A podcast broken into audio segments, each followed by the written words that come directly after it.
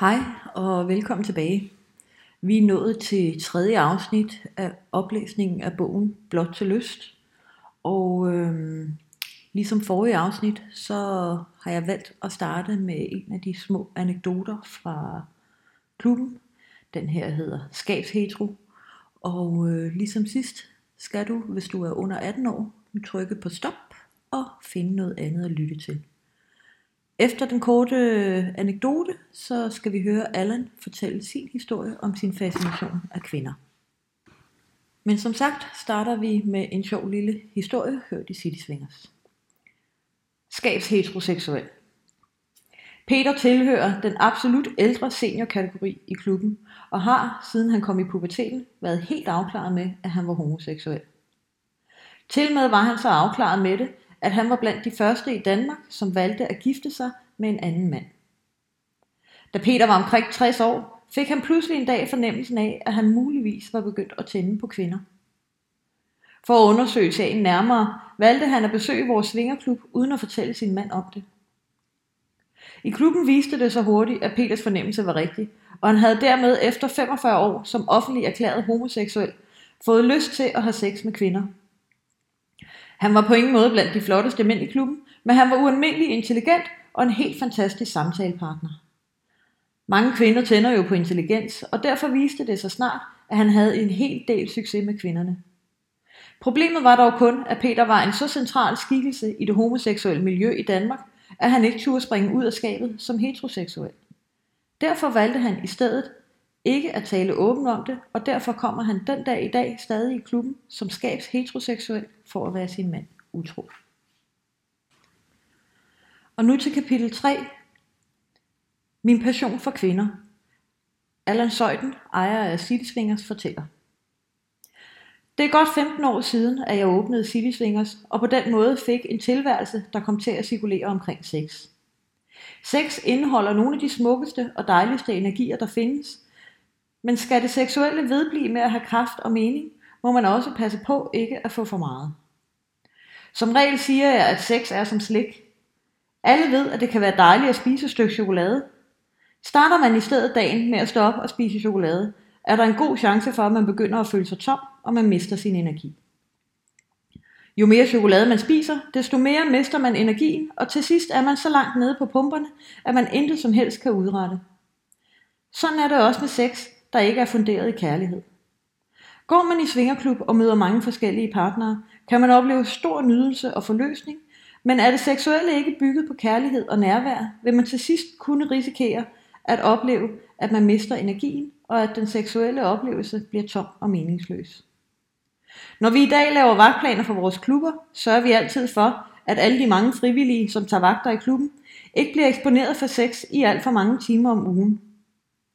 Der er grænser for, hvor meget sex et menneske kan rumme, og naturligvis er denne grænse forskellig fra individ til individ. Da jeg i sin tid startede op med at drive svingerklub, var det nødvendigt, at jeg de første tre år arbejdede mange timer ugenligt for at køre klubben i gang. Dag ud og dag ind var jeg omgivet af nøgne mennesker, som havde sex, og indimellem løb jeg mig også selv involveret i løjerne. Efter at jeg havde drevet svingerklub i tre år, kunne jeg dog mærke, at jeg begyndte at blive mæt af sex, og at jeg derfor begyndte at miste min sexlyst. Uanset hvilken kvinde jeg mødte, og uanset hvor tiltrækkende hun var, kunne hun ikke vække min interesse. På den baggrund erkendte jeg, at jeg havde fået en seksuel overdosis, eller sagt med andre ord, jeg havde spist for meget slik og for få grøntsager.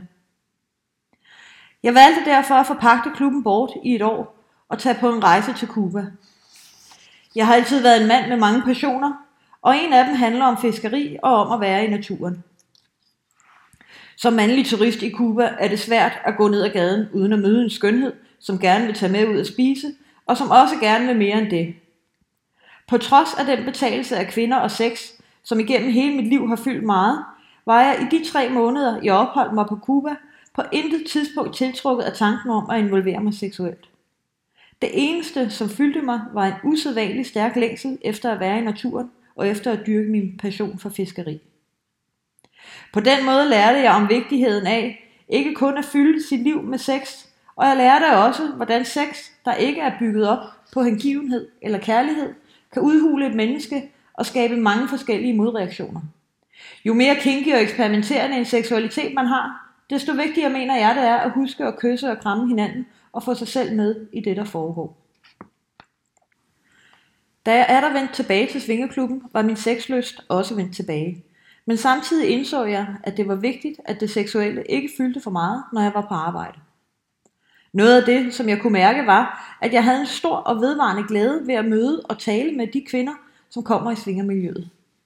Som noget nyt var jeg ikke fokuseret på, om jeg havde en seksuel forbindelse til dem eller ej, man kunne finde stor glæde ved at udforske deres personlighed, følge deres udvikling og lære om deres baggrund for at komme i klubben. Samtidig fik vi i netop denne periode flere og flere kvinder på besøg, som dukkede op alene med det formål at shoppe mænd. For mig at se ligner det en samfundstendens, som handler om, at kvinder ikke længere gider at nøjes, når det handler om sex. I gamle dage var kvinderne underlagt nogle normer, som nu er blevet opløst, og derfor er der ikke længere ret mange kvinder, der behøver at acceptere at leve et liv, der er seksuelt utilfredsstillende. I dag har de fleste kvinder frihed, tjener deres egne penge og kan godt forsørge deres børn selv. Det betyder, at flere kvinder vælger at forlade ægteskabet eller vælger at tage nogle modige valg, hvis ikke de får det, de har behov for i et parforhold. Naturligvis er der stemmer i samfundsdebatten, der slår til lyd for, at vi ikke giver nok af os selv i parforholdet. At vi ikke gør nok for at forsøge at få det til at fungere, og at vi sapper for meget i kærligheden. Man kunne også vende hele denne debat om og sige, at det er godt, at vi har fået frihed til at vælge fra, hvis ikke tingene spiller, som vi ønsker det. I alle de år, jeg har drevet klubber, har jeg set en udvikling i en retning, som betyder, at kvinder i højere og højere grad tager sig friheden til at vælge fra. Derfor er det naturligvis også nærliggende at forestille sig, at vi i en ikke særlig fjern fremtid vil opleve, at det bliver lige så naturligt at gå ind i en svingerklub og få god sex, som det i dag er at gå på biblioteket for at låne en god bog. En anden tendens, som jeg har bemærket, handler om kvindernes oplevelse af skam og af, hvad man kan tillade sig at gøre, når man er en pæn pige. Flere og flere kvinder er begyndt at træde uden for kulturens normer og har holdt op med at skamme sig over, at de har et seksuelt behov. Mange kvinder har naturligvis ikke lyst til at stå frem med alle deres lyster og fantasier, men de fleste kvinder har det fint med at fortælle om, hvorvidt de leger med sig selv, eller om de har en elsker. Fordi kvinder har fået mere bevidsthed om, hvad de har lyst til og brug for, er der også flere kvinder, som har opdaget, at en svingerklub kan være stedet, hvor de kan finde det, de ikke kan finde andre steder. Naturligvis skal man jo også huske, at det at gå i svingerklub handler om at gå ind et sted, hvor man, omgivet af andre mennesker, udlever en del af sit sexliv. Det siger jo sig selv, at den slags ikke dur for alle mennesker. Har man været i sådan en klub og mærket, at man ikke bryder sig om det, kan man naturligvis godt prøve at gå ind i en anden klub. Men som udgangspunkt mener jeg ikke, at man skal forsøge at presse sig selv. Alle menneskers seksualitet er forskellige, og for mig er det altid vigtigt at hjælpe andre til at lytte til deres grænser og kun gøre det, som betyder, at de får det godt og mærker, at de følger deres indre lyst. De kvinder, som til gengæld tænder på at gå i svingerklub, og som nyder at være en del af det miljø, vil opdage, at den slags steder har nogle fordele, som kan være helt fantastiske. For det første kan det at mødes i en klub betyde, at man slipper for at skulle invitere fremmede mænd ind i sit hjem. Udover dette slipper man som kvinde for at gå og glæde sig til at få besøg af en mand, som så måske ender med at brænde en af.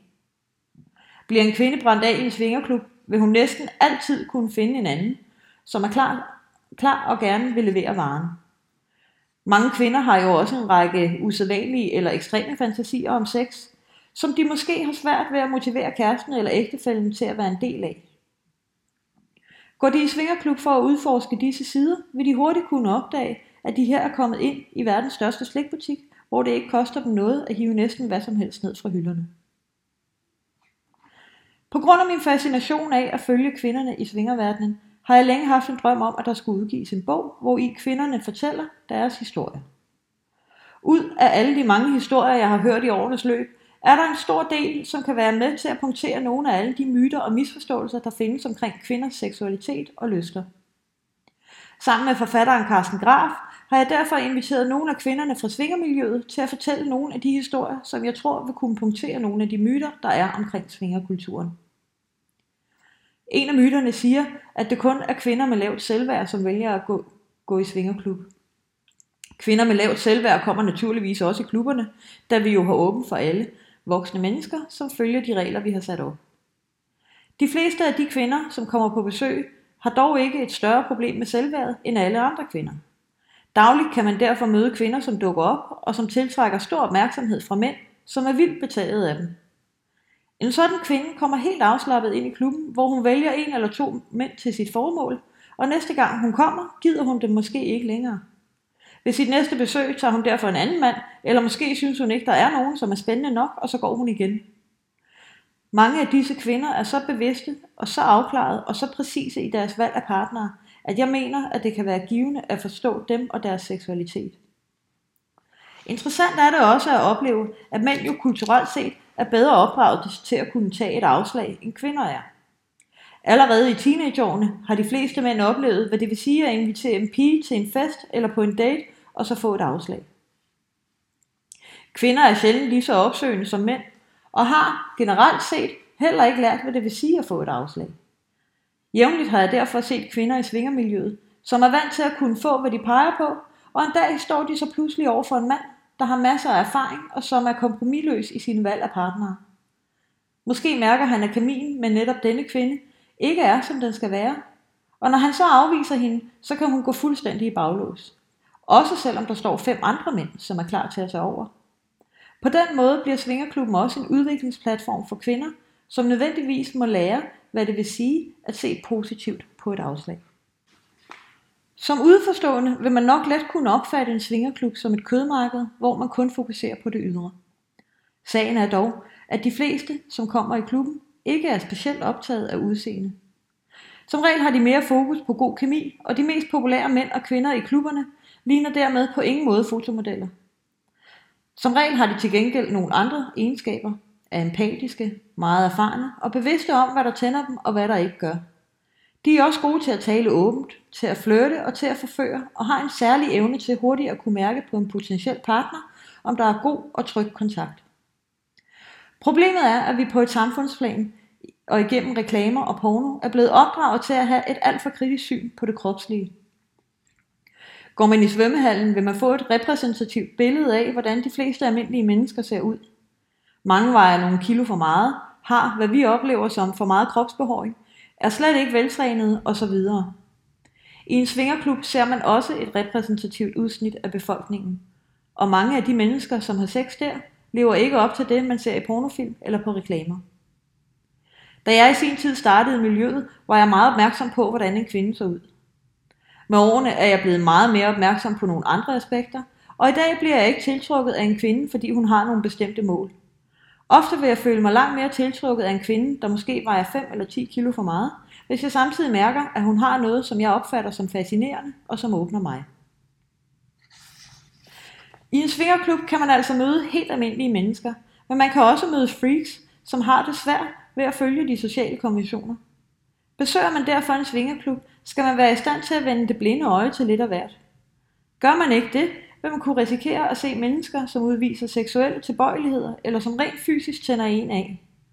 Spørgsmålet er derfor ikke, om man møder den slags mennesker, men snarere, hvor mange af den slags mennesker man møder. Har man sit fokus på de mennesker, som man ikke tænder på, er det naturligvis umuligt at være seksuelt aktiv i en svingerklub. Vælger man i stedet at nøjes med at holde fokus på dem, som man tænder på, kan en svingerklub virke stimulerende og give et ekstra kig til ens eget sexliv. Så er der 50 mennesker samlet i klubben, behøver der jo ikke at være mere end nogle få, som er interessante. Resten skal man i virkeligheden bare lære at ignorere. Vender vi tilbage til analogien med slikbutikken, ved et hvert barn jo, at det ikke er et problem, at man ikke kan lide 90% af det slik, der er i en slikbutik, så længe de sidste 10% smager fantastisk. Gennem tiderne har jeg set mange eksempler på, at nogen har forsøgt at lave klubber, hvor de udvælger de smukke, de unge og de succesfulde som deres gæster. Men som jeg mærker det, opstår der let en form for snopperi og en dårlig energi på stedet, hvor man har alt for meget fokus på udseendet. Hos os lukker vi som sagt alle mennesker ind, der overholder vores regler, og på den måde opstår der jo nogle interessante dynamikker og en usædvanlig mangfoldighed. Denne mangfoldighed vil vi gerne vise med denne bog, og netop fordi det er en bog, kan det lade sig gøre. De mennesker, som vælger at stå frem på fjernsynet og fortælle åbent, at det går i svingerklub, kan ofte være en smule aparte og viser ikke et repræsentativt udsnit af, hvem der kommer i klubben. I en bog kan de medvirkende vælge at være helt anonyme, og derfor kan læseren få lov til at stikke hovedet helt ind i klubben og få lov at høre, hvad der i virkeligheden foregår i nogle af de mennesker, som mødes her. Det billede, som medierne ofte ikke formår at vise, er, at klubbens medlemmer primært består af ganske almindelige danske borgere, som man næppe nogensinde ville forvente at finde der. I vores klubber får vi besøg af brandmanden, skolelæreren, lægen, politikeren og politimanden, samt lægens patienter og dem, som politimanden skal fange. Fordi vi ikke interviewer folk ved døren, får vi også en del besøg af mennesker, som måske ikke skulle være gået i svingerklub, men i stedet skulle være gået en tur i skoven. Det kan handle om dem, der er sexafhængige, eller som kommer i klubben, fordi de har et lavt selvværd. At en kvinde vejer nogle kilo for meget, at brillerne er for tykke, eller at dællerne hænger lidt, er der mange mænd i en svingerklub, som ikke tager så tungt. En kvinde med et lavt selvværd kan derfor bruge en klub til at få den opmærksomhed og interesse, som hun ikke kunne finde andre steder i livet. Dette kan naturligvis være meget godt, og kan være en måde, hun kan bringe sig selv videre på, men ofte ser vi også kvinder, der bruger det som for eksempel et fix. Jævnligt kommer de ind i klubben for at blive bekræftet og for at få boostet selvværdet. Men man mærker, at de i virkeligheden hverken er tændt eller spændt på det seksuelle. På den måde sidder de fast i en ond cirkel, hvor de er gået forkert sted hen for at få noget, der ikke bringer dem videre i livet. Under forberedelserne til denne bog har vi udvalgt nogle af de historier, som handler om kvinder, der har været igennem en positiv udvikling. Målet har været at sætte fokus på historier, fortalt af kvinder af kød og blod, som har oplevet både store glæder og svære tider, men, også, men som også har et overskud, de kan dele med læseren. I vores klubber har jeg set kvinder gøre et væld af ting, der afkræfter næsten alt, hvad almindelige mennesker ved eller tror om kvinder, om sex og om svingermiljøet. Nogle af disse kvinder kommer til ord i denne bog, og deres historier er det mig en sand glæde at kunne dele med andre mennesker. Kulturelt har vi fået indprintet, hvad pæne piger vil og ikke vil. Både indenfor og uden for svingermiljøet siger min erfaring mig, at den pæne pige er en myte, og at næsten alle kvinder har masser af lyster, som, når det kommer til stykket, slet ikke er så pæne, som vi tror. At opleve en kvinde, som udfolder sig frit i sin seksualitet, kan jo være en fantastisk smuk oplevelse. Og at give denne oplevelse videre, har i mange år været en af mine store drømme. Hermed er visionen fuldført, og jeg vil derfor benytte lejligheden til at ønske læseren en rigtig god fornøjelse. Allan Søjden. Det var Allans kapitel, fortalt med hans egne ord. Og øh, jeg vil slutte af med hans betragtninger om begrebet svinger. I virkeligheden er der mange gæster i svingerklubberne, der har det svært med betegnelsen svinger. Slår man ordet op, står der, at en svinger er en person, som indgår i gruppesex eller i partnerbytte. Det er der naturligvis mange mennesker i vores klubber, som gør, men der er også en meget stor del af vores gæster, som kommer i klubberne, fordi de kan lide stemningen, eller for at være sammen med deres ægtefælle eller kæreste. Samtidig får betegnelsen svinger det også til at fremstå, som om mennesker, der går i svingerklub, er helt anderledes end alle andre. I virkeligheden tror jeg, at de fleste mennesker kan tænde på sex med flere partnere og er tiltrukket af sex, der også involverer andre end kæresten. Måske ville det derfor være mere logisk at droppe ordet svinger, og i stedet lave en betegnelse, der er dækkende for den lille gruppe mennesker, som ikke tænder på sex med andre end kæresten. Det var, hvad det kunne blive til her i tredje afsnit. Hør med næste gang, når der kommer et par korte anekdoter mere, og hvor vi skal høre Lili fortælle historien om sin indre tryghedsnarkoman i kapitel 4. På genhør.